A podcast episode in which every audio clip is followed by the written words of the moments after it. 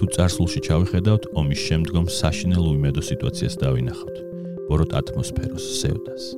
მიუხედავად ამისა თაობა იბრძოდა. კრიზისი ყოველთვის იარსებებს. ასე რომ ვისაც თეატრის კეთება უნდა ხელები დაიკაპიტოს და აკეთოს.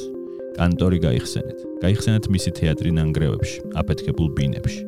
თუ საზოგადოებას არ აინტერესებს ის თეატრი რომელსაც ჩვენ ვაკეთებთ ესეც ჩვენი ბრალია. ჩვენ და ვიპოვოთ მაყურებელი და არა პირიქით ესეც შემოქმედებითი საკითხია მხოლოდ 50 მაყურებელი, მხოლოდ 3. სულ ერთია თეატრის კეთება შეიძლება ყველგან და ყოველთვის. მაშინაც კი თუ სამყარო განადგურდება. ჯოჯო ხეჩიც კი. ამბობდა იტალიელი ავტორი და თეატრის დირექტორი ეუჯენიო ბარბა. რას ნიშნავს დღეს თანამედროვე თეატრი? როგორ კეთდება თეატრის მენეჯმენტი? ამ თემებზე სასაუბროთ მარკეტერის პოდკასტის სტუმარია დავით სუყო-საყვარელიძე. სოხუმის თეატრის სამხატრო ხელმძღვანელი. მარკეტერის პოდკასტს წარმოგიდგენთ საქართველოს ბანკი ბიზნესი. დავით, მოგესალმები. საზოგადოება შენ ძალიან ბევრი პროექტით გიცნობს, არ ვიცი, საიდან დაიწყო. ბუშის ვიზიტი საქართველოში თუ დომინგოს ჩამოსვლა, ალენდელონი, ძალიან დიდი ღონისძიებები, წინანდლის ფესტივალი და რაც თავარია, ხშირად სახელში შენ სახელში არის გამოყენებული სახელი სუყო. საიდან გაჩნდა სუყო? ხო, სუყო დამერქვა ალბათ სკოლის რაღაც და პირველ რამდენიმე წლის სწავლის შემდეგ სკოლაში ალბათ დეფორმაცია განიცადა ჩემმა გვარმა. აჰა. არ ვიცი საიდან, მაგრამ მახსოვს რომ მეგობრები ვარსო სკოლიდან სუყო სუყო და შემჩა ეს ზოგმა არც იცის რომ დათო ვარ საყვარელიძე. პირდაპირ სუყოთი მიცნობენ. აქ სასაცილოა ის რომ ყველა ენაში არ არის ჩვენთან არის და ვერ ხვდებიან ამ უცხოელ ჩემი მეგობრები და მეძახიან სუკოს. აჰა. ანუ ყ ჩაანაცვლა კ.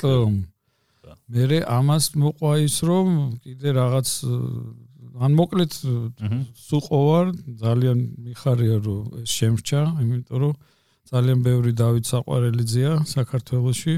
მათ შორის მათ შორის ცნობილი ადამიანები ხშირად ვეშლებით ხოლმე იმ დავით საყარელიძეში რომელიც ახლა უკრაინაში მოღვაწეობს და მე მიგზავნიან სხვათა შორის ძალიან საინტერესო უკრაინულ პოლიტიკურ ასე ვთქვათ ინფორმაციას. მათ შორის ისეთ ინფორმაციებს რომელსაც ნამდვილად არ უნდა არ მინდა რომ ვიცოდეთ ძალიან საინტერესო. და დღეს რო გითხრა სანამ გადავიდოდეთ შენ გზაზე რომელიც ძალიან საინტერესოა იმიტომ რომ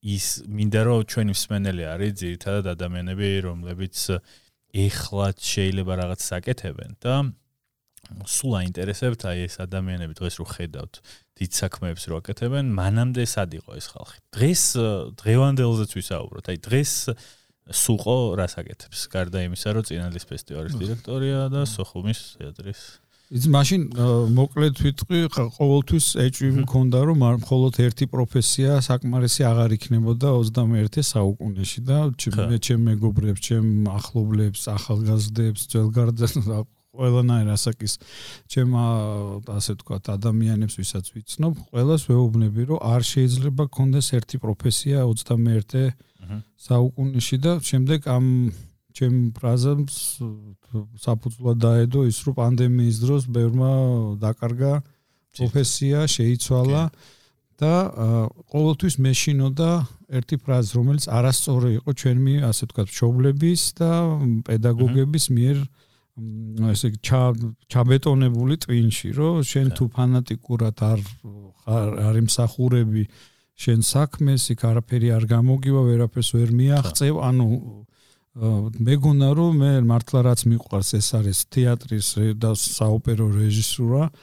ამაში თელ ჩემს ენერგიას აქ ხარჯავდი და აღმოჩნდა რომ რაღაც სხვა პროფესიებიც შესწავლაც რომ დავიწყე ასეთივე დიდი ენთუზიაზმით მოვეკიდე და პირიქით გამამდიდრე ის ის რაღაც რეჟისურაც თუ შეიძლება ასე ითქვას ის პროფესია, რომელსაც სწავლობდი. რისი თქმა მინდა, რომ ძალიან დამთრგუნა და გვიან მოიხსენი ეს კომპლექსები, რომ შენ პროფესიაში თუ არ აღარ ძლიერი და თუ მთელს 24 საათს აქ თუ არ ახმარ, ვერაფერს ვერ მიაღწევ. მეუბნებოდნენ ჩემი პედაგოგები და აღმოჩნდა, რომ სწორედ ჩემი სპეციალობის გასამრავლება, გასაძლიერებლად სხვა პროფესიების დაუფლება, თუნდაც მომიჯნავე, ასე ვთქვათ, სამ პროფესიების სფეროების და მithumetes დღეს კიდე ხო ელექტრო, რა ვიცი, უამრავი რაღაცა ხდება დიჯიტალურ სფეროში, იმან უფრო გაამდიდრა. და პირიქით გავაძლიერე ჩემი ერთი მხარე იმითი და ასეთივე ენთუზიაზმით ასეთივე სიამონებით გადავეშვი ახალი პროფესიების ასე თქვათ მოძიებაში და დავიწყე დღეს ვარ სოხუმის თეატრის სამხატრო ხელმძღვანელი. თეატრის ხელმძღვანელობა არნიშნავს რომ რეჟისურას მხოლოდ იმიტომ რომ თეატრის მართვა ცალკე პროფესიაა თეატრალური მართვა არის მეცნიერების დონეზე აყვანილი უკვე რაც საუკუნეების მანძილზე დაგროვილი ეს ინფორმაცია. რეჟისურა არის შემოქმედება ასევე შემოქმედებით ნაწილია და შემოქმედებაში უფრო ერთ ერთგვარი ასე ვთქვათ ნიჭი და არა მატერიალური ასე ვთქვათ ღირებულებები მატერია არა მატერიალური ასე ვთქვათ ის მოქმედებს რა ზებუნებრივი ძალები არა მატერიალური ძალები გაქმნევინებენ ასე ვთქვათ რაღაც იქ შემოქმედება ანუ რაც რაც არა მატერიალურია და ასევე კიდე გადავერთე როგორც იცით ნანტლის ფესტივალის მოწყობაში, ასე ვთქვათ, ის დაგეგმარებაში. ეს ერთგვარად ახლოს არის თეატრის მართვასთან, მაგრამ ამავე დროს ახლა ეს სილკნეტთან დაკავშირებით რამდენიმე მიმართულებით დავიწყე მუშაობა, ეს არის სამი სხვადასხვა აპლიკაციის შექმნა. ახლა არ ვიტყვი ეთერში, იმიტომ რომ სანამ არ გავაკეთებ ჯობია პროცესია. თუმცა დავიწყე ამ დიჯიტალური ასე ვთქვათ აპლიკაციების და განსაკუთრებით ვიდეო და აუდიო სტრიმინგის მიმართულებით რაღაც დაგროვება ინფორმაციის განვითარება და საკმაოდ საინტერესო რაღაცებს წავაწყდი, იმიტომ რომ ეხლა იჩეკება ასე ვთქვათ ეს მიმართულებები და იცვლება ძალიან სწრაფად. ანუ დღე ყოველ დღე თუ არ ახარ შენ ჩახედული, იღებ ინფორმაციას, შეიძლება მოგიძველდეს ერთ დღეში უკვე ის წოდნა. ასეთი ის გამომადგა ასე ვთქვათ თეატრიც მადგება. აი შეჯამებითად პროფესიით ვინ ხარ რომ გითხონ ვინ ვინ ხარ პროფესიით რეჟისორი მე ვარ რეჟისორი რომ ახლა კარგი ვარ თუ ცუდი ვარ ეს ერთია საკითხია მაგრამ მე ვარ პროფესიით ადამიანი რომ რომელმაც იცის ნოლიდან ბოლომდე ასე ვთქვათ თეატრის შექმნა როგორც ტექნიკური, ფინანსური, ასევე შემოქმედებითი.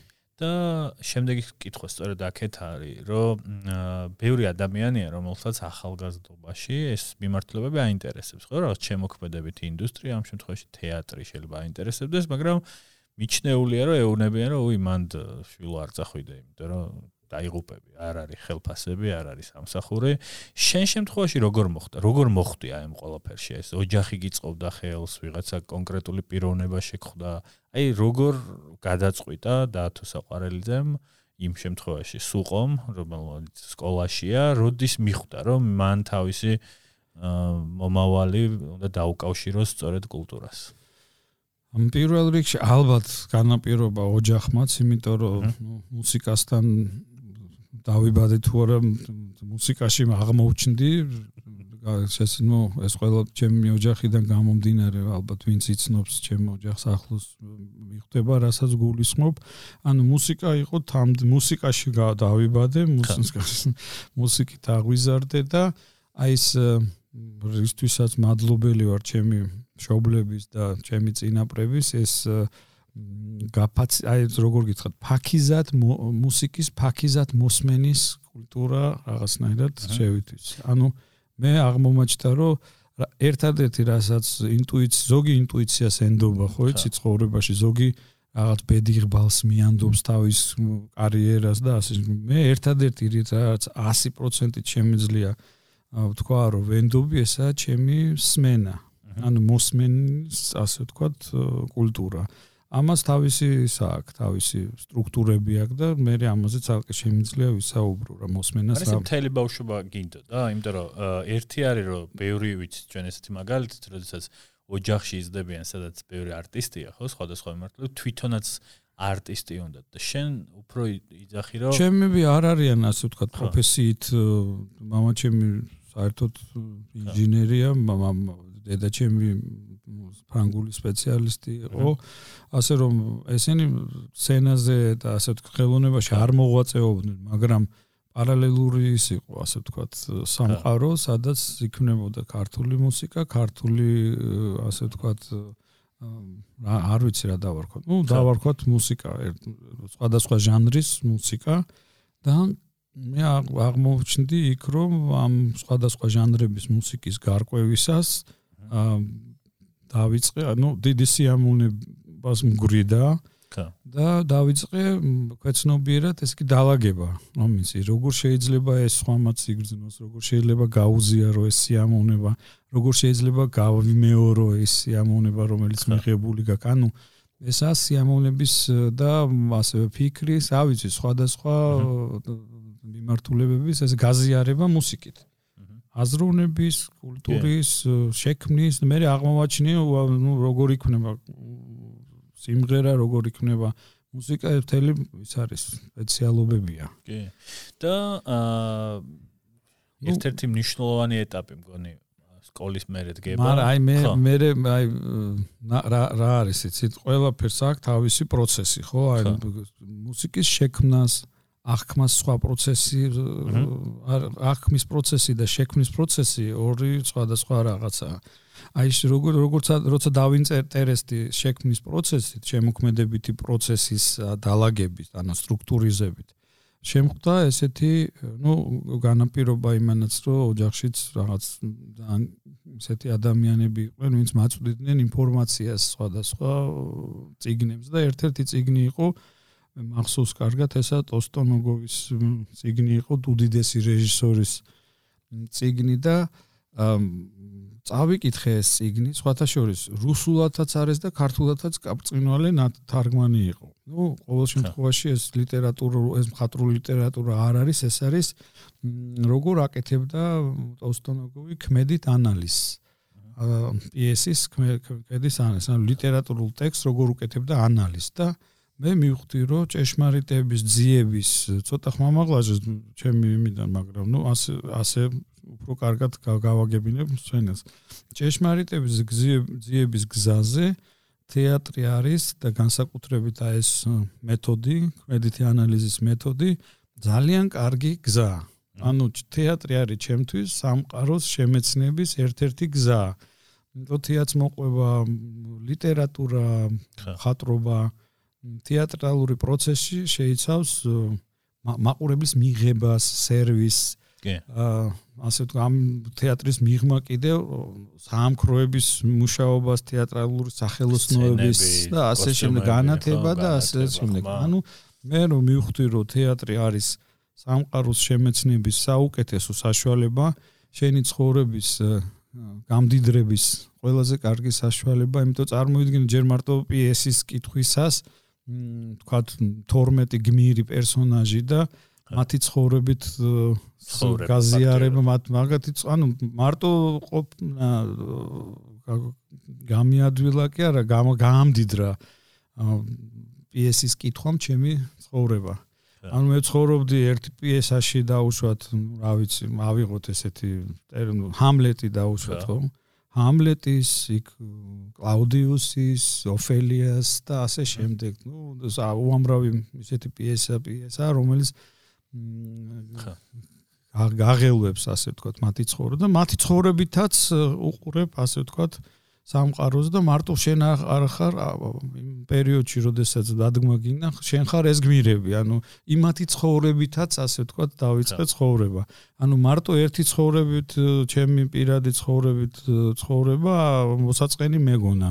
და უშუალოდ ამდენი ადამიანის? ამდენი ადამიანისთან როგორი პერსონაჟების ანუ გენიოსების მიერ შეთხზული პერსონაჟებით ცხოვრებ. ანუ ეს გამდიდრების ერთ-ერთი ის არის რა და რა ვიცი მივხვდი რომ საოცარ სამყაროში ხდება. მოხდი და დავიწყე ცალ-ცალკე იმ მიმართულებების შესწავლა, რაც ქმნის საბოლოო. ეხლა მივიდეთ მაგამდე, ხო? ანუ იმიტომ რომ მე მგონი არის მე რომ ეს თეატრალურ შეაბარება აქვს საქართველოში, შემდეგ მიდიხარ მილანში, ხო აი აი როგორ ხდებოდა ეს განათლება, იმიტომ რომ მე რასაც უყურავდი, არა მარტო მილანი, ამერიკა, ხო, ანუ ლონდონი, ძალიან ბევრია. ეს რა ანუ თუ გინდა იქ შენ გითხარი რომ არ შემეშალოს რამდენი საგანმანათლებლო ეტაპი გაიარე, იმიტომ რომ რაღაც ხრი რაღაც მაგალითები მახსენდება, რომ ბევრს მიაჩნია, რომ ეს ძალიან ადვილია, რომ თეატრის მართვა რა უნდა ახლა შემოქმედებითი ხედვა გქონდეს.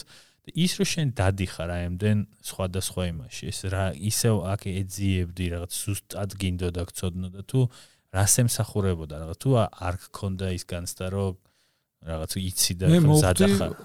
საკმაოდ გამიმა ესეთ მე მოვხვდი თეატრალურ ინსტიტუტში ჩავაბარე მაშინ იყო 4 წელიწადში ერთხელ მიღება თეატრის რეჟისურაზე. მე სხვათა შორის კინო არასოდეს არ არ დომებია გადამეღოს. ბევრ ადამიანს ხვდები, რეჟისორი ვარ, რო ვეუბნები, სულ ყველას გონე რომ უფრო კინო, კინო, საფრთხე სხვა პროფესია და ალბათ ვერ შევეჭიდები იმდენად დიდი მგონია.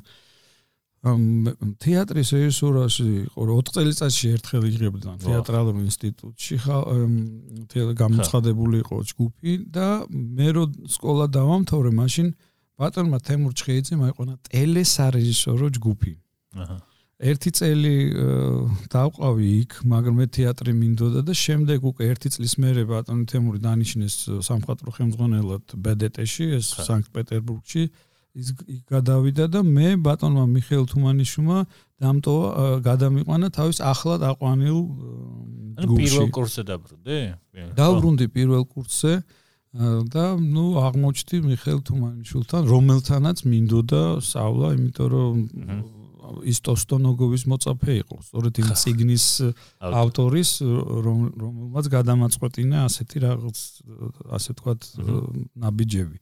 და ტოსტონოგოვი იყო პირდაპირ სტანისლავსკის მოწაფე. ანუ პირდაპირ მქონდა ასე თქვა კავშირი ამ დიდ სამყაროსთან ჩემპიონთა ლიგაში. ნუ ეხლა სტანისლავსკი არის არ ვიცი, ყველაზე დიდი გენიოსი შეიძლება ესე იყოს, თუმცა ყველა რატომღაც მის სისტემას რაღაცნაირად აკნინებს დღეს, თუმცა თუნდაც რომ მისი სისტემა ის კი არ არის, რომ რა ფორმით იქნება სპექტაკლი, არა, სპექტაკლის აგების სტრუქტურა ეს რაღაც ძალიან მარტივი ან ფიზიკასთან აკავშირი და ასე ვთქვათ სმენელისთვის რო გასაგები იყოს რას ნიშნავს ზუსტად რა რა მოდელი აქვს?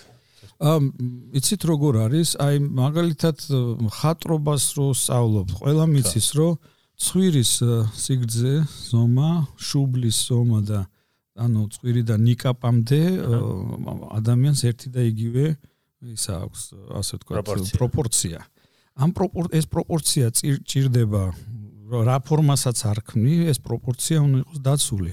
ან და დაუშვათ ეხა პრიმიტიული მაგალითი რო მოვიყვანო, როდესაც აგებ ბინას ან დიდ საყს ან საცხოვრებელ корпуს უნდა გქონდეს საძირკველი, ხიმინჯები და ეს არის ჩეულებრივი, ასე ვთქვათ, მეო პირველი, მეორე კლასის ანბანი, ხო? ეს როდესაც არა გაქვს შესწავლილი და ამაზე სავარჯიშოები არა გაქვს ჩატარებული, შენ კარგ პროპორციას ვერ ააგებ. ანუ ამ პროპორციების და თეატრის სისტემის სარეპერტუარო თეატრის შიდა განაწესი თუ შეიძლება ასე ითქვას თუ როგორ უნდა მუშაობდეს სხვადასხვა მიმართულებები იმიტომ რომ ეს კოლექტიური ხელოვნება როგორც შემოქმედებაში ასევე ორგანიზაციულ საკითხებში აი ამის ასე ვთქვათ დამფუძნებელი და დამ წერი და გადმომწერი დამწერი და შემგროვებელი თეატრის ეს არის სტანისლავსკი რისი მეთოდი რისი მიხედვითაც ასევე უნდა ვახსენო მაშინ ემიროვიჩ დანჩენკო ჩვენი თბილისიდან წარმოშობით და ამათმა შექმნეს თეატრი მოსკოვის სამხატვრო აკადემიური თეატრი რომლის პრინციპითაც დღემდე მუშაობს ყველა ის თეატრი რომელიც პოსტსაბჭოთა კავშირში ასე ვთქვათ, მოღვაწე. დღესაც კი ჩვენი თეატრები სწორედ იმ პრინციპებზე დაყრდნობით მუშაობს. თუმცა იყო ესეთი ახმეტელი ჩვენი გენიოსი, რომელმაც თავისი წვლილი შეიტანა და რუსთაველის თეატრის შიდა განაწესი თავისი დამოკიდებ თავისი რაღაცები დაამატა. ანუ ნუ რისით თქმა მინდა ახლა ამით, რომ მოხდი ძალიან საინტერესო პედაგოგთან მიხეილ თუმანიშვილთან, რომელიც ასწავლის ანბანს თუ რა უნდა გააკეთო იმისთვის, რომ თეატრის რეჟისორი თეატრო თეატრის რეჟისორი გამოხვიდე. თან რაზია საუბარი, ხა ყველას ავიზყდება.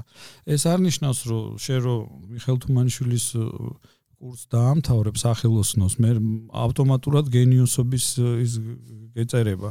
არა, უბრალოდ შენ შეგიძლია ასეთი ტიპის თეატრში მოღვაწეობა. ანუ 54 სახელმწიფო თეატრია საქართველოში და ამ თეატრებში სახელმწიფო სარეპერტუარო თეატრებში თუ როგორ უნდა იმუშაო რა რა უნდა გააკეთო როგორ უნდა იმოღვაწეო ასე ვთქვათ აი ამ პრინციპებს გასწავლი და შეიძლება გამოგსვლო და კარგი გამოგივიდეს კაი სპექტაკლი შეიძლება ძალიან კარგი არ გამოგივიდეს მაგრამ მოქმედების რუქა ანუ შენი სამუშაოს განაწილება და ჩვენ ერთ ენაზე საუბრობთ ხოლმე, როდესაც ხვდებით ასეთ სარეპერტუარო თეატრში და ხშირად ვამჩნევ, რომ ვისაც ეს არა გავლილი, ის ვერ ერგება სარეპერტუარო თეატრს. ანუ არის ის რაღაც ელემენტარული, რაც რაც იწევს, ასე ვთქვათ, უხილავ, ასე ვქნის უხილავ ძაფებს იქ რა.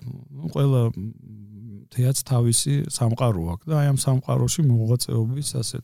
მე უგრძნობ თავს, როდესაც მოხვდები ნებისმიერ სოფლიოს ნებისმიერ წერტილში თუ ხვდები აწყობილ სარეპერტუარო თეატრში, იქ ყველაფერი ვიცი. ანუ თვალდახუჭული შემიძლია გითხრათ სად არის ადმინისტრატორი, სად არის დასის ხელმძღვანელი, სად იბეჭდება დაუშვათ ესა თუ ეს ბრძანება სადა აი ნუ ხვდებით ხო თვალდახუჭული ხვდებით სტრუქტურას რა აი ეს ეს არის პრიმიტიულად ხა რასაც ხსნი და ამის ანუ ამ ყოველფრის მერე რაღაც პრაქტიკა გაიარე აქ თუ პირდაპირ მერე 1992 წელს დათო დოიაშვილი იყო ვენაში და მან გამომიგზავნა მოწვევა უბრალოდ მისმა ჩაობლებმა იმიტომ მისი ბიძა მუშაობდა მილანში. აჰა. და ჩვენ გავგვიკეთეს ასე თქვა სერვარი სტაჟირება იტალიურ თეატრის და სტაჟირება იტალიურ თეატრში და მოვიარეთ მე და დათომ ორი თვის განმავლობაში მთელი იტალიური საუკეთესო თეატრები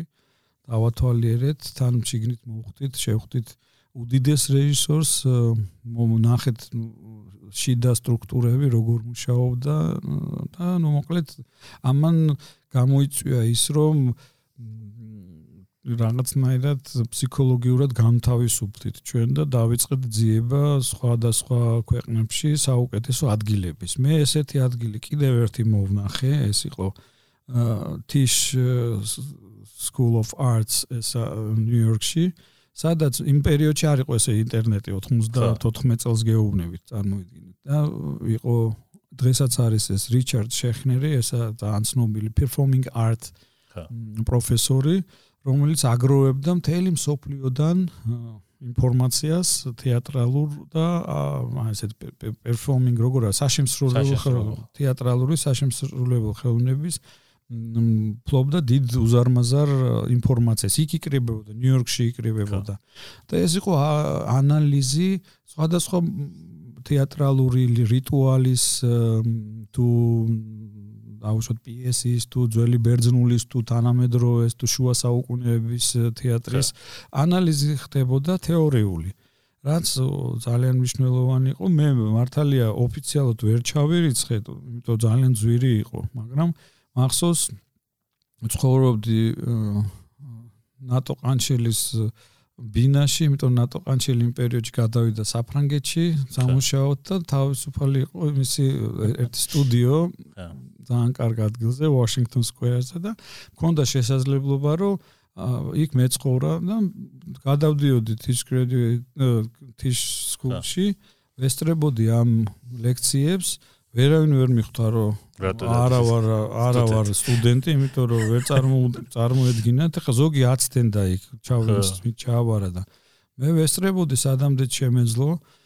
ვიღებდი და მეც მაძლევდნენ იმ ციგნებს ზოგჯერ წერო კოპიებს ძალიან კარგი ციგნი დამიგროვდა ძალიან დიდი რა ქვია ბიბლიოთეკა. მე მივედი ამ ბიბლიოთეკით პოსტაში და უთხარი რომ ეს უნდა გავაგზავნო ციგნები უნდა გავაგზავნო საქართველოს. როგორც ჰუმანიტარული დახმარება. 16 დოლარი გადავიხადე და აი ძალიან დიდი ყუთი უძირფასესი ციგნებისა გამოაგზავნე და სამ თვეში ჩამოვიდა მე მეგონა აღარ ჩამოვიდა. არა ჩამოვიდა მე მაქვს ახლა საოცარი. როგორც უნდა წარმოვიდგინეთ ნუ ახლა ნუ რამ ექნება? იმის გამოგზავნა ძალიან დიდი ფული დაჭირნა მაშინ არ ქონდა და ეხაც კაი ძვირი ღირს ნიუ-იორკიდან ერთის გამოგზავნა პოსტით და ეს იყო უზარმაზარი ერთი ტელევიზორის ხელა ყუთი და ჩამომივიდა. მოკლედ, რისი თქმა მინდა, რომ იქაც იმისთვის ჩავედი, რომ ინფორმაცია მომეძიე მომედ ამსე თქო ამეღო. და მე წამოდი სულ არ მაინტერესებდა ისინი მომცემდნენ თუ არა იმს, რა ქვია, სერტიფიკაციით დასწრებას და ნუ ასე მოხდი ნიუ-იორკში პირველად. შემდეგ უკვე 98 წელს მოხდი ასევე ნიუ-იორკში, ოღონდ უკვე დადგმით და მე დავდგინ და იქ ერთ-ერთი სტუდენტი ჩემთან ერთად ვინც სწავლობდა, ის დავაკავე სპექტაკლში. ასე რომ 4 წლის მერე ძალიან წარმატებულად დაუბრუნდი მათ. მიუხედავად იმისა, რომ მაშინ არ მიმიღეს ესე ოფიციალურად. ჩავედი როგორც რეჟისორი და იქ მქონდა ძალიან კარგი, ასე ვთქვათ, სპექტაკლი. სამკაცია. და აი ამდენი ცოდნა ცოდნა რო გიგროვდება, როგორც წესი, მე სურვილი ჩდება, რომ ეს სადღაც რეალიზება მოახდინო. ხო? ანუ შენ შემთხვევაში აი ეს როგორ იყო? მეორე კიდე ამას გავაგზელებ, რომ მე კიდე ვიყავი Yale-ში. Yale-ის უნივერსიტეტში. Yale-ის უნივერსიტეტში ჯენიფერ ტიპტონი არის ეს თუ შეიძლება იყოს საუკუნის ყველაზე დიდი განათების მხატვარი.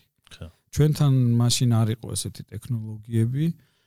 ძველი განათება იყო და მე ვიცოდი რომ ადრე თუ გვიან ეს დამჭირდებოდა და მე მოვხვდი მასთან სტაჟირებაზე.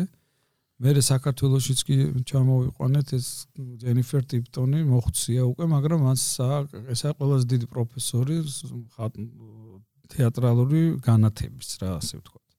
ანუ ესეც ავიღე ასე ვთქვა პირველადი რაც შეიძლება და ამიღო, იმიტომ რომ ერთ ენაზე უნდა მესაუბრა მე მომავალში ვნობდი რომ ერთ ენაზე უნდა მესაუბრა მოწვეულ განათებულ სპეციალისტთან, მხატვართან, დეკორაციის დამამზადებელთან და ნუ რა ვიცი, მსახიობებთან და რეჟისორთან შესაბამისად იგივე.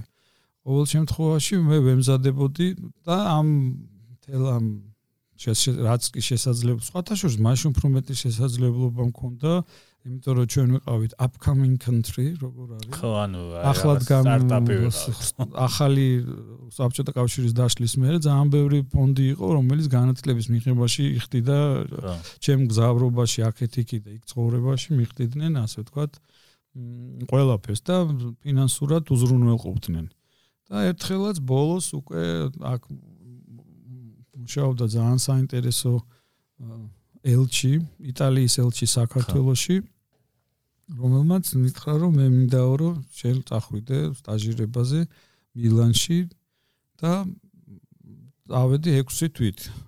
ეს იყო პიკოლო თეატრო დი მილანო და ლასკა მილანი. ნუ მე პაკატაცა პიკოლოს ეძახი იმიტომ რომ ჯორჯო სტრელერის დაფუძნებული იყო, ვისაც შევხვდით 92 წელს მე და დოი.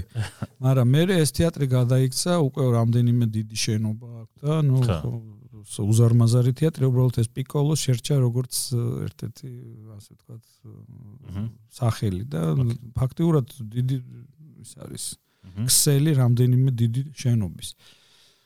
ლუკა რონკონი გახდათ მაშინ ხემძღვანელი დიდი საოპერო რეჟისორი და მე დავიწყე იქ ოპერის კუთხით ასე ვთქვათ განათლება. აღო მენეჯმენტის ოპერის მენეჯმენტის კუთხით განათლება და რო დაუბრუნდი მე იძულებული ვიყავი რომ დამეწერა თეზისი. არ ეს რა ვიცი რეპორტი. რეპორტი ხო. უნდა ამეწერა რეპორტი რეპორტი უნდა ყოფილიყო სადღაც 50 გვერდა 60 გვერდამდე. ხო ოკეი. და ეს რეპორტი იყო ასე ვთქვათ რეზულტატი თუ რა ვისწავლე იქ.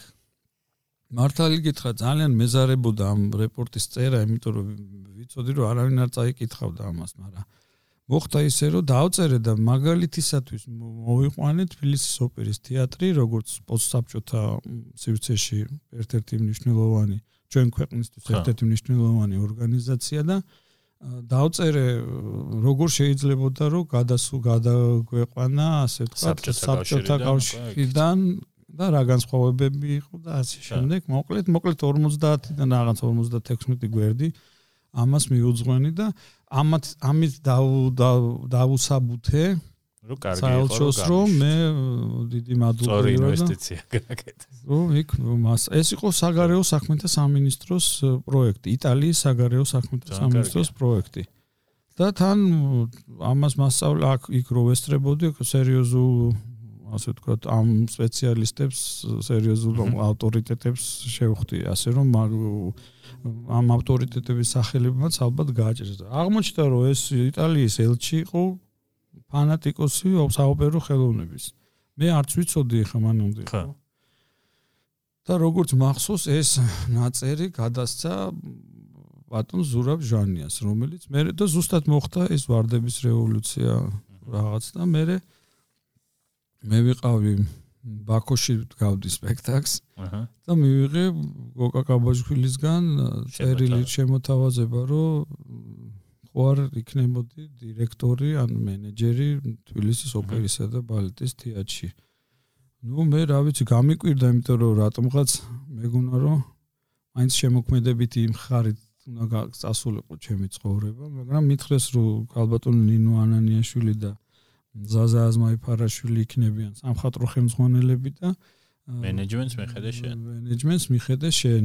და რა ვიცი მეც თქვი რომ თუ არ გამომივა ამაზე რამ სხვა ხო არ დამიჭერთ მე ვთქარი და არა თუ არ გამოგივა აქავართ და ნუ შენ დაგეხმარი და შეგცვლით ნუ ეხა ბოლო ბოლო აჰა თუ ცუდად წავი თუ არ გამომივა მე რა კი ვიცი რაღაცები მაგრამ პრაქტიკაში დაართული პრაქტიკაში ამის გადმოტანა კიდე დამატებით იმიტომ ადამიანებს ხვდები იმ საკვანძო პოსტებზე უკვე ვიღაც ადამიანები მუშაობენ მათი გამოცდილება გასათვალისწინებელია ახალი ასე ვთქვათ დასაენერგია ახალი მოკლედ მე რომ მივედი თბილისის ოპერაში კონდათ ერთი კომპიუტერი იყო ეს. და ეს ну მოკლედ ჩაუდე რაღაც ძალიან საინტერესო პერიოდი გაიარა ოპერა მაგ წლებში, იმიტომ რომ ეს იყო მართლაც მენეჯმენტის თვალსაზრისითაც ძალიან საინტერესო, როგორ გახდა უცბად ეს ორგანიზაცია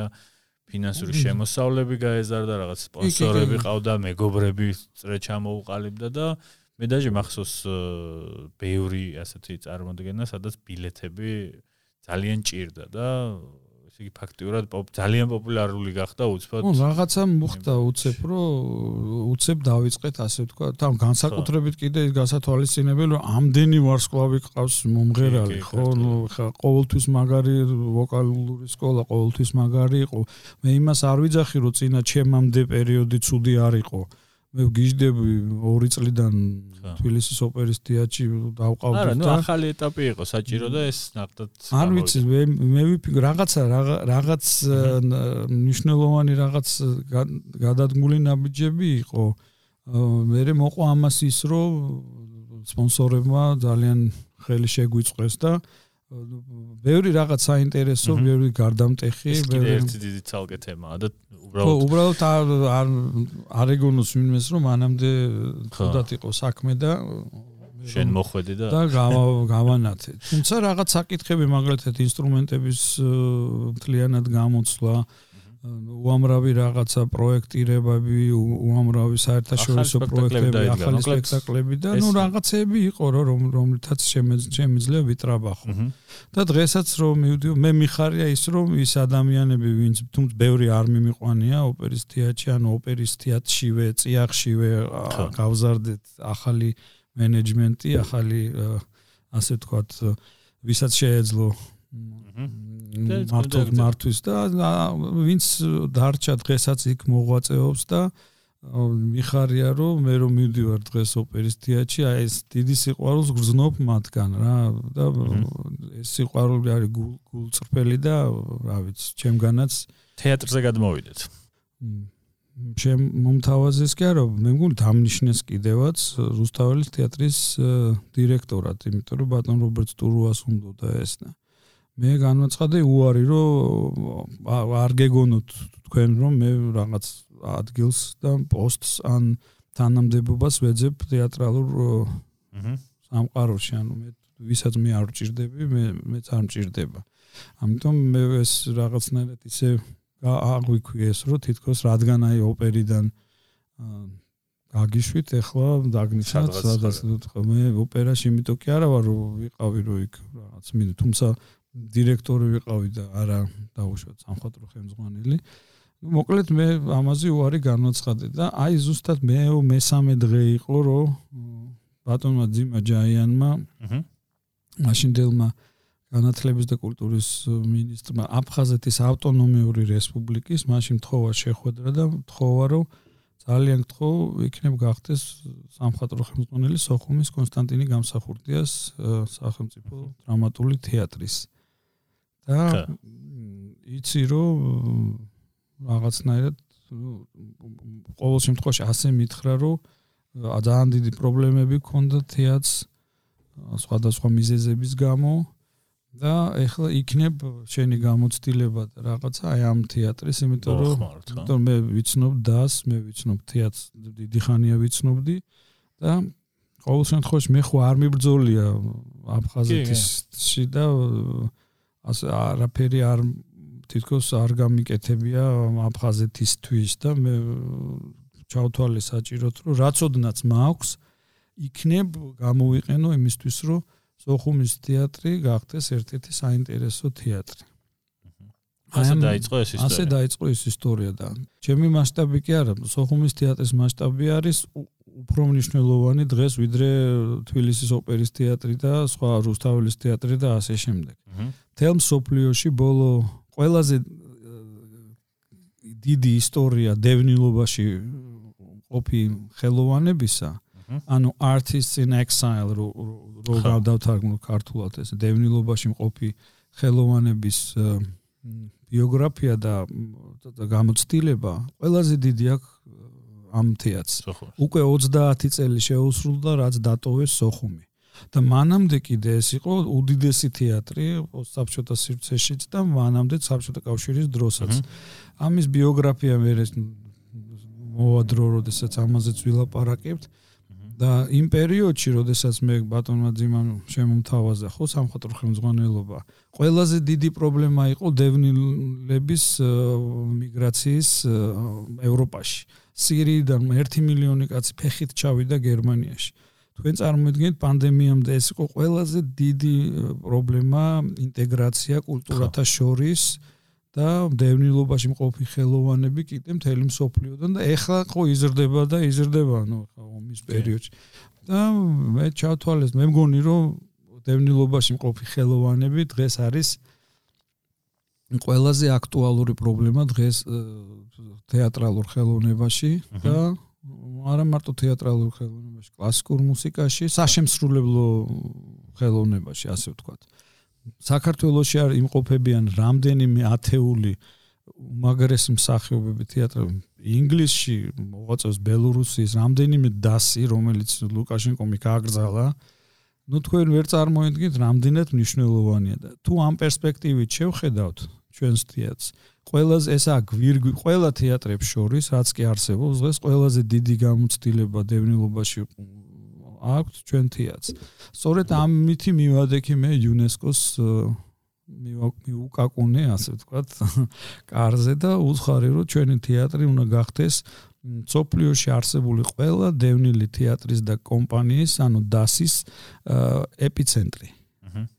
და სწორედ ჩვენი შენობა უნდა იყოს მასპინძელი ყველა ამ თვეში ერთხელ რომელიღაც დიდი თეატრი დევნილობაში მყოფი დასი უნდა გამოვიდეს ჩვენ სცენაზე.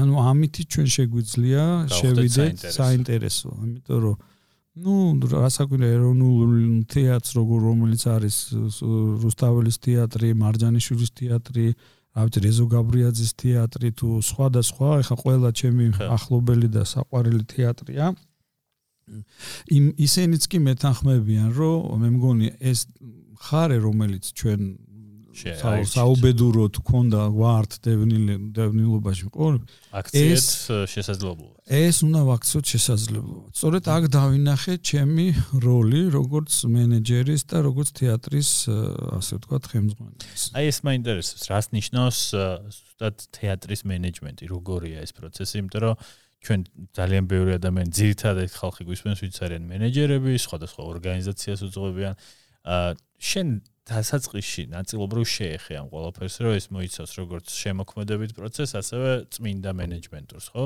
აა სმენელისთვის რო გასაგები იყოს, მომავალი მენეჯერებისთვის, რომლებსაც თეატრის მართვა სურთ, ან თუ ვინმეს უნდა რას ნიშნავს? რა რა პროცესებს მოიცავს? ისარგებლო მინდა შემთხვევით და თქვა, საერთოდ თეატრის მენეჯმენტი არის სწავლება ბოდა ჩვენთან. არ ვიცი ახლა ისწავლება თუ არა. აა მაგრამ თუ არის სწავლება მე რაც ვიცი დიდი სიამოვნებით გაუზიარებდი ყველას ვისაც აინტერესებს თეატრის და საერთოდ ასეთი performing arts management-ი საბედნიეროდ ყავს მეგობრები რომლებიც კარგად ერკვევიან ამ საკითხებში განსაკუთრებით რამდენიმე თეატრის ხელმძღვანელი აღარ დავასახელებ იმიტომ რომ მათი გამოცდილება არის საუკეთესო და მათთან ერთადაც შემიძლია ვთხოვო მათაც და მოკლედ ვისაც აინტერესებს მომართონ თქვენი ასე ვთქვათ სმენელს ძალიან კარგი შესაძლებლობა. იმიტომ რომ ეს აუცილებელია ძალიან წარმოიდგინეთ რამდენი მსახიობი ამთავრებს თეატრალს. ეს სწორი მოდელია და თო შეერცა თქვი რომ ეს შემოქმედებით ანუ პიეს სპექტაკლით შენ შენდგამ თუ არ ვწდები და აქეთ მენეჯმენტსაც ნუ ეს ეს სახიობი ყავდა ეს ხელფასები ეს გადავიხადოთ ეს ორივე ერთად სწორია ეს გასაგებია რომ ეხა ეს ხდება მაგრამ სოფლიო პრაქტიკაში როგორ არის ნუ მე რაც ყველაზე დიდ რეჟისორებს შევხვდი ჩემს ასე ვთქვათ გამიმართლა. წარმოიდგინეთ ახლა ახლა რომ ჩამოთვალო, ნუ ქართველ რეჟისორებს ვის გარდა თქვა მიხეილ თუმანიშვილი, თემურ ჭეძები, ბატონ რობერტს ტურუასთან მუშაობდი და დღესაც ჩემი უახლოესი მეგობა ძმაკაცი შეიძლება ითქვას. აა ვიცი, ყველა არ ვიცი, ჩემი მეგობრები, კოლეგები, აი ყველას ხო ვიცნობ და ამის გარდა კიდე დაწყებული პიტერ სელერსთან მაქვს სტაჟირება გავლილი, პიტერ ბრუკთან, რომელიც არის დღესაც მაქვს კავშირი მასთან მიუხედავად რომ 97 წლის გახდა 21 მარტს ანუ ძალიან დიდ ვარსკვლავებთან მომიწია მუშაობა და პრაქტიკული აი ვერც ერთი ყველა რეჟისორი ყველა რეჟისორი არის თავისი სპექტაკლის უდიდესი მენეჯერი. ანუ სწორედ რეჟისურა არის ფრანგული სიტყვა, ორგანიზებას ნიშნავს. ორგანიზებას არა მარტო ფინანსური მხარის, არამედ მთლიანად პროცესის, აი მაყურებელი შემოდის დარბაზში, იქიდან დაწყებული ყველაფერი უნდა იყოს ყველა ინტუიციურ დონეზე ეს არ ვიცი სხვადასხვა დონეზე, შემოქმედების დონეზე, პიესის კომპოზიციის აგების დონეზე არის ორგანიზებული. მე ამაზე კარგ მენეჯერს მე ვერ შევხვედრი, არ შევხვედრი. სახიობების შერჩევაც ერთ-ერთი თავარი ფუნქცია ხო არის? რეჟისორისთვის. განაწილებას ძალიან ანუ როდესაც თქვი რომ თეატრის მენეჯმენტზე ვისაუბრებდით, იყო ასეთი კითხვები, რომ აი როგორ ხდება, რომ კინო მსახიობის სხვა არის, თეატრის მსახიობის სხვა არის. ანუ შენ მე მინდა რომ გესმოდეს, რომ ჩვენ გვისმენს ახლა სმენელი, რომელსაც ცოტა უფრო აა მირჩენია რაღაც მარტივ ენაზე აუხსნათ, ზუსტად რა ხდება. არის ქვეყნები, სადაც კასტინგი მენეჯერი და დიდ როლს ასრულებს მაგალითად ამერიკაში რომ სადაც მაგ გავძლი მე პიესა რომელიც ავირჩიეთ დასადგმელად კასტინგ მენეჯერმა დაურიგა ყველას ბევრს და მე ვიჯექი და ერთ როლზე 90 ადამიანს უსმენდი და ისინი კითხულობდნენ არსებობს ეს ტრადიციული კასტინგ თეატრალური კასტინგები რადგან არ ყავთ მუდმივ მოქმედი დასები. აჰა. ანუ დასები არ აყავთ მუდმივ მოქმედი და ამიტომ ყოველ პიესას ურჩევენ ახალ და დასი როცა ყავს, ეს არის გარკვეულწილად შეიძლება რესურსი და მე უკვე რეჟისორი ცდილობ რომ ამ რესურსის გამოყენებით დადგა ნებისმიერი და რაღაცა ნაწილი მოიწვიო შეგიძლია თუ არ არის რასაკვირველია, ეხა მოწვევაც შეიძლება, მაგრამ ძირითად ბირთვი ალბათ უნდა იყოს ის დასი, იმიტომ შენ ამ დასის ხელმძღვანელად ხო. ანუ სამხატრო ხელმძღვანელი ნიშნავს, რომ რაღაც არსებული დასის ხელმძღვანელი ხარ და არა არ არსებული, ასე ვთქვათ, ჯგუფის. სამხატრო ხელმძღვანელი საზღვარგარეთ, ჩემი გამოცდილებით, სულ სხვა რამეს ნიშნავს. ეს ჩვენ, აი მაგალითად, ლასკალას სამხატრო ხელმძღვანელი არის ადამიანი, რომელიც კონტრაქტებს დებს მომღერლებთან, მხატვრებთან, მოცეკვავეებთან, დირიჟორებთან, ანუ უფრო ის არის სამენეჯერო საქმიანობა, რადგან ამავე დროს ყავს ინტენდანტე, სოვრინტენდენტე, ანუ თავარი გენერალური მართველი, მუსიკალური დირექტორი ყავს, ბალეტის დირექტორი ყავს და კიდე ყავს სამხატვრო ხელმძღვანელი, რომელიც მათ ბრძანებით უფორმებს კონტრაქტებს, სხვადასხვა. ანუ ესაა როგორც დასის მართველი ჩვენთან. აჰა. სამხატრო ხელმძღვანელი არის მოგონილი მე ვიტყოდი არას ნუ მოძველებულია. მე სამხატრო ხელმძღვანელს არ ჩავაბარებდი თეატრს. ჩავაბარებდი მით უმეტეს როცა ეს თეატრი ფინანსდება სახელმწიფო კი არა უფრო ხალხის ფულით ანუ სხვანაირი სისტემებია დღეს სოფლიოში ძალიან შეიძლება ის აი მაგაზეც უნდა ჩაგიკითხო შეიძლება რომ ანუ თეატრი რამდენად შესაძლებელია უბრალოდ საქართველოს რეალობაში რომ თეატრები გახდნენ თვითკმარი თავისი დაფინანსება კონდეთ იმიტომ რომ როგორც ვიცი იცით ინგლისი არის რაღაც მეთოდი არის ქვეყნები სადაც სახელმწიფოს ვალდებულებად თვლის რომ თავის მოსახლეობას შეუქმნას თეატრალური სივრცე. მაგალითად ნუ გერმანია უბრალოდ იქ სამხარეო დაფინანსებაა და არსებობს ქვეყნები როგორც არის ინგლისი სადაც უინსტონ ჩერჩილმა მოი ფიქრა ესეთი მოდელი, რომ სახელმწიფო ბიუჯეტიდან კი არის ფინანსდება თეატრები, არამდა კულტურა, არამედ ნაციონალური ლოტარეისგან. რომელიც რომელმაც გაამართლა და ყველა ლოტარიაში მონაწილე ადამიანი აცნობიერებს რომ ეს მისი კულტურაში შეტანილი წვლილია და სხვადასხვა მოდელები არსებობს. ამერიკაში არის ინდაუმენტები, ანუ თეატრს არავინ არ აძლევს ფულს, მხოლოდ რაღაც აი შეიძლება 1% ან 2% ბიუჯეტის, თუმცა დამფინანსებლები რაღაცნაირად თავისუფლდებიან სხვადასხვა ფორმით იღებენ ასე ვთქვათ პრივილეგიებს. პრივილეგიებს და და როგორი შეიძლება იყოს ალბათ მომავალზეც ბევრს ფიქრობთ ხოლმე? რა ტენდენციებია? იმიტომ რომ მე ხარ უყურებ იაპონია ინგლისი უკვე ხედავთ რომ თვითონ თეატრებში ძალიან საინტერესო ტექნოლოგია შემოდის აქტიურად რაღაც ახალი სკრინები, დრონები, თეატრალური ცეკვები, ხო, ანუ ის სახიობი ერთის ხრო ალბათ თან სახიობია, მაგრამ ძალიან ათლეტურია რაღაცა ძალიან ისეთი ილეთებს აკეთებს. აი მარტივად რო თქვა, რა შეიძლება ხო, სანახაობრივი, yes.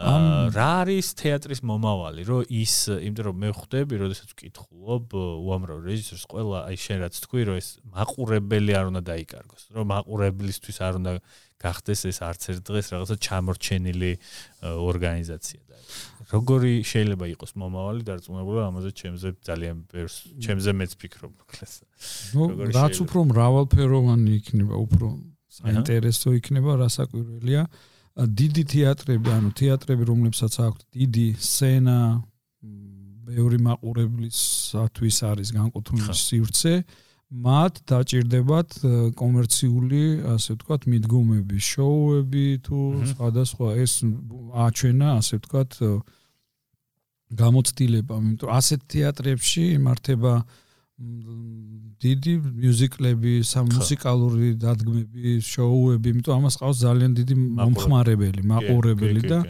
როდესაც 1000 კაცი ეტევა დარბაზში ან 800, 700, 1000 კაცი მას დასჭირდება ასეთი ახალი ტექნოლოგიების თუ მუსიკის, ცეკვის, სხვადასხვა გამომსახველობითი საშუალებების გამოყენება, იმიტომ რომ ნუ მოდის ხალხს უნდა იხდის ბულს და აინტერესებს შოუ. ეს გასაგებია, მაგრამ არსებობს კიდე მეორე ჩემი საყვარელი თეატრი, რომელიც შეიძლება არ იყოს მოცულობას მასშტაბური, მაგრამ იყოს ლიტერატურულ ლიტერატურასთან ახლოს. ანუ უფრო ლიტერატურულ ტექსტებთან, უფრო ტექსტ, იმიტომ რომ როგორ ახსნა ჩვენ გვანვითარებს ლიტერატურა, ჩემ თეატრს პირადად, ჩემ ზოგს არავერბალური თეატრი უყვარს, მაგრამ მაინც იქაც ლიტერატურა და სიტყვა არის წამყვანი, იმიტომ რომ ის გაძლევს დიდ ემოციას, დიდ მუხტს აძლევს ჩემ ცხოვრების, ასე ვთქვათ, იმ პერიოდის მუშაობის მუხტს აძლევს ლიტერატურიდან აღებული, ასე ვთქვათ, განცდები და შეგრძნებები. ამიტომ ასეთ თეატრს მე უფრო დიდ პატივს მცემ ამ შემთხვევაში, იმიტომ რომ ის რასაც კომერციული თეატრი ქვია, ამას დიდი ინვესტიციები ჭირდება. აა სხვა და მოვა ალბათ იქნება. ალბათ მოვა, იმიტომ რომ მე რასაც ახლა რაც მახსენდება ინგლისის მაგალითი, რომ ტურიზმიც აქტიურად ჩაერთო.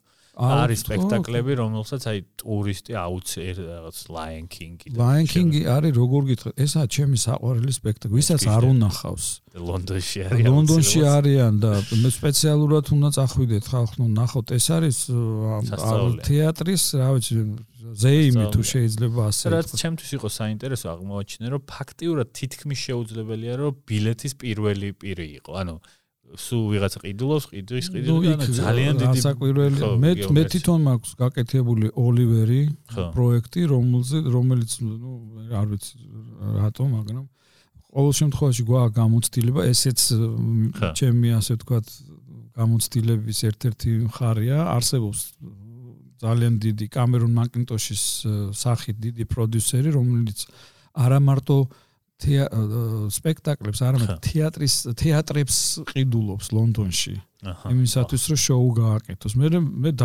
დავინტერესდი როგორ აკეთებს ძალიან ცნობილი პროდიუსერია.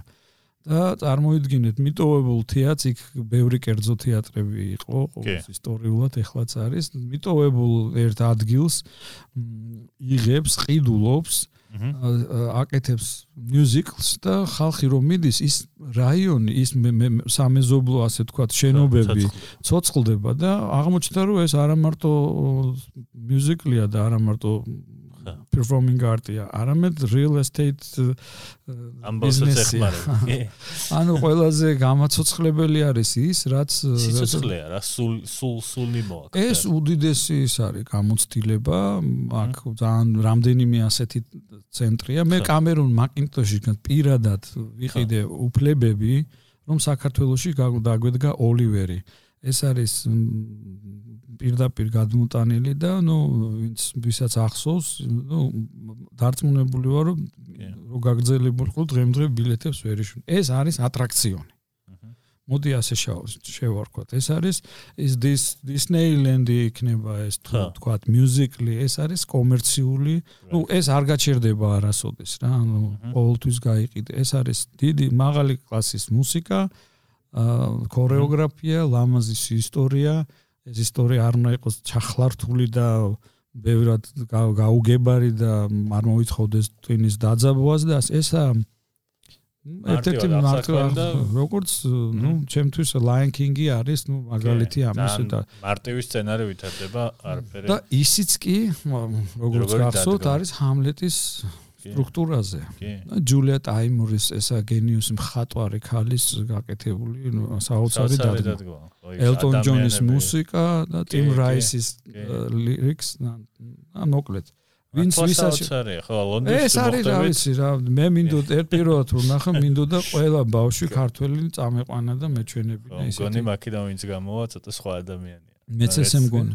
ნუ აი ესეთი ეს ლისე ლონდონში არის ლისე თეატრში და ასეთი მასშტაბის თეატრები იქ იქნება დატვირთული ასეთი მუსიკლებით. და ეს ძალიან კარგია, მაგრამ არის კიდევ პატარა თეატრები 200 კაციანი 250 ასე დადის ხო რაც ეს არის უკვე ლიტერატურა ესა უკვე ახალი სიტყვა. ეხა ნუ ენერგია იხარჯება არა თქვა აი ამ ტექნიკურ მხარეზე არამედ აზრზე ტკივილზე ანუ იმ განცდებზე რომელიც შეიძლება სულიერ განცდებზე იყოს დაფუძნებული და ასევე კავშირში არის ისევ და ისევ ციგნთან ახალ ტექსტთან და ან ძველი ტექსტის ახალ ინტერპრეტაციას. და ეს მიყვარს ძალიან აქეთ რამდენად სწორია იმიტომ რომ დღევანდელი დღისთვის ვსადების დროს ზუსტად ეს ამაზეც ერთ-ერთი თემა რაც ფიქრობდი იყო ზუსტად ეგ რომ აა ჩემი სპენელი არის ხალხი რომელიც მარკეტინგშიც არის და ნუ მარკეტინგის ერთ-ერთი თავარი მამოძრავებელი არის ყოველთვის ეცადო შექმნა ისეთი რამ რაც ბაზარზე მოთხოვნადია. აა როდესაც ლიტერატურულ პიესებზე საუბრობთ და შენ ბევრჯერ ახსენე ეს ხო? ეს ერთის ხრივ არის პოზიცია რომ ვიძახით რომ ეს ნიშნულოვანია ხალხო. ეს უნდა მოისმინოთ მაგრამ თუ ბაზარმა ეს არის ის მაშინ თეატრი უნდა ქმნიდეს მარტივ პროდუქტებს აი როგორი ხე თუ მე მგონი მე მგონი შენ შენი კითხვა რომ გავამართივთ მარკეტ მარკეტინგიც ხო ორი მიმართულებაა ხო, ერთი არის რომ უნდათ და ის მიაწოდო და მეორე არის მოთხოვნა შექმნა. მოთხოვნის შექმნა უფრო საინტერესოა თქვენთვის თუ შექმნა. და შექმნაში ხო შემოქმედებაა. კი. და დარწმუნებული ვარ რომ აი ეს თუ სწორი მიმართულებით ივლით მოთხოვნილების შექმნა არის უფრო საინტერესო. ჩემთვის ყოველ შემთხვევაში ის მარკეტოლოგი უფრო იმასთან სიამოვნებს საუბარი, ვინც მოთხოვნის შექმნის ასე ვთქვათ მას ამ გამოწვევას რო არ უშინდება. ა და იცის და თან ამაზე უფრო ფიქრობს, იმიტომ რომ ნუ არ ვიცი. მე ყოველ შემთხვევაში ეს მეორე ხარი მეორე მარკეტერები უფრო გიყვარს. გიყვარს. კი ანუ საინტერესოა მათთან ურთიერთობა, რა. და ძალიან ადვილია ახლა სხვათა შორის ტექნოლოგიურად ძალიან ადვილად შეიძლება მიაღწიო ამას. ახალი მოთხოვნილებები შექმნა. ძალიან კარგი, უნდა წავიდეთ უკვე ბოლოსკენ, თითქოს 1 საათი ვისაუბრეთ. დიდი მადლობა დათო.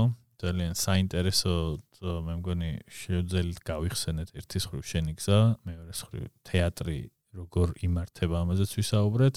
რამე ხო არა გაქვს სათქმელი, რაცაც ისურვებდი რომ გვეთქვა ხალხისთვის სვენელს. სულ ამას ვიძახე კიდევ ერთხელ ვიმეორებ, თქვენმა სვენელმაც უნდა გაიგოს. არსებობს ევროპის გაერთიანებულ ევროპაში არსებობენ ზუსტად ისეთივე თეატრები როგორც ჩვენთან არის ზუსტად ისეთივე დაწესებულებები ინსტიტუციები როგორც ჩვენთან არის და მათ აქვთ უკვე გარკვეული გამოცდილება უკვე რამდენიმე საუკუნოვანი გამოცდილება თუ როგორ უნდა იმართებოდნენ მათი პირველი მიზანია ეს არის თავისუფლება შემოქმედებითი და ორგანიზაციული თავისუფლების მინიჭება ასეთი შემოქმედებითი ხალხის სათვის ასეთ მიმართ. და ეს მოგვიწევს რომ ზუსტად ისევე გადავერთოთ ის ის რეფორმა ჩავატაროთ რომ ჩვენმა თეატრებმა ისეთივე ლეგალური ლეგალური ფორმა მიიღონ როგორც დაუშვათ საფრანგეთში იქნება თეატრი თუ ორკესტრი იქნება თუ ასე შემდეგ. რასაკვირველია ეს გამოიწვევს პირველ ხანებში ძალიან დიდ უკმაყოფილებას იმ ადამიანებისაც, ვინც მიჩვეული არიან დღევანდელ სიტუაციას და ვინც ბედნიერად გრძნობს თავს, მაგრამ მერწმუნეთ რომ ჩვენ ვალდებულები ვართ შევცვალოთ და იყოს საერთაშორისო, ასე ვთქვათ, გამჭირვალე სტრუქტურა ყველა დაწესებულებაში. მიაქციეთ ყურადღებას როგორ იმართება გერმანული თეატრები, როგორ იმართება ფრანგული თეატრები, ბელგიური თუნდაც და ერთი და იგივე მაგალითს ვიძახი. აი ფილარმონიული ორკესტრი იმაში რა ქვია, არ ვიცი, ბერლინში ისევე უნდა იმართებოდეს და ისეთივე სტრუქტურა კონდეს, როგორც თბილისში, ანუ ერთნაირი აი ასეთი იყო ეს twinning programs ხო რომ ცდილობდა დაეხლოვებინა და და ამ შემთხვევაში ჩვენ თუ ამას დავიწყებთ და როგორც განაცხადეს ჩვენ უკვე გვინდა რომ ვიყოთ ევროპის ნაწილი, ასეთ შემთხვევაში მოგვიწევს იმ პროფესიების იმ პროფესიების პოპულარიზაცია და პოპულარიზაცია ვინც ჭირდება ასეთ ფორმაციაში მყოფ ასე თქვა თეატრებს და დაწესებულებებს. ანუ ჩვენ კიდე გვაქვს ბევრი რამ სასწაული, ბევრი პროფესიები ასათვისებელი. ძალიან საინტერესო ახალი დრო მოდის.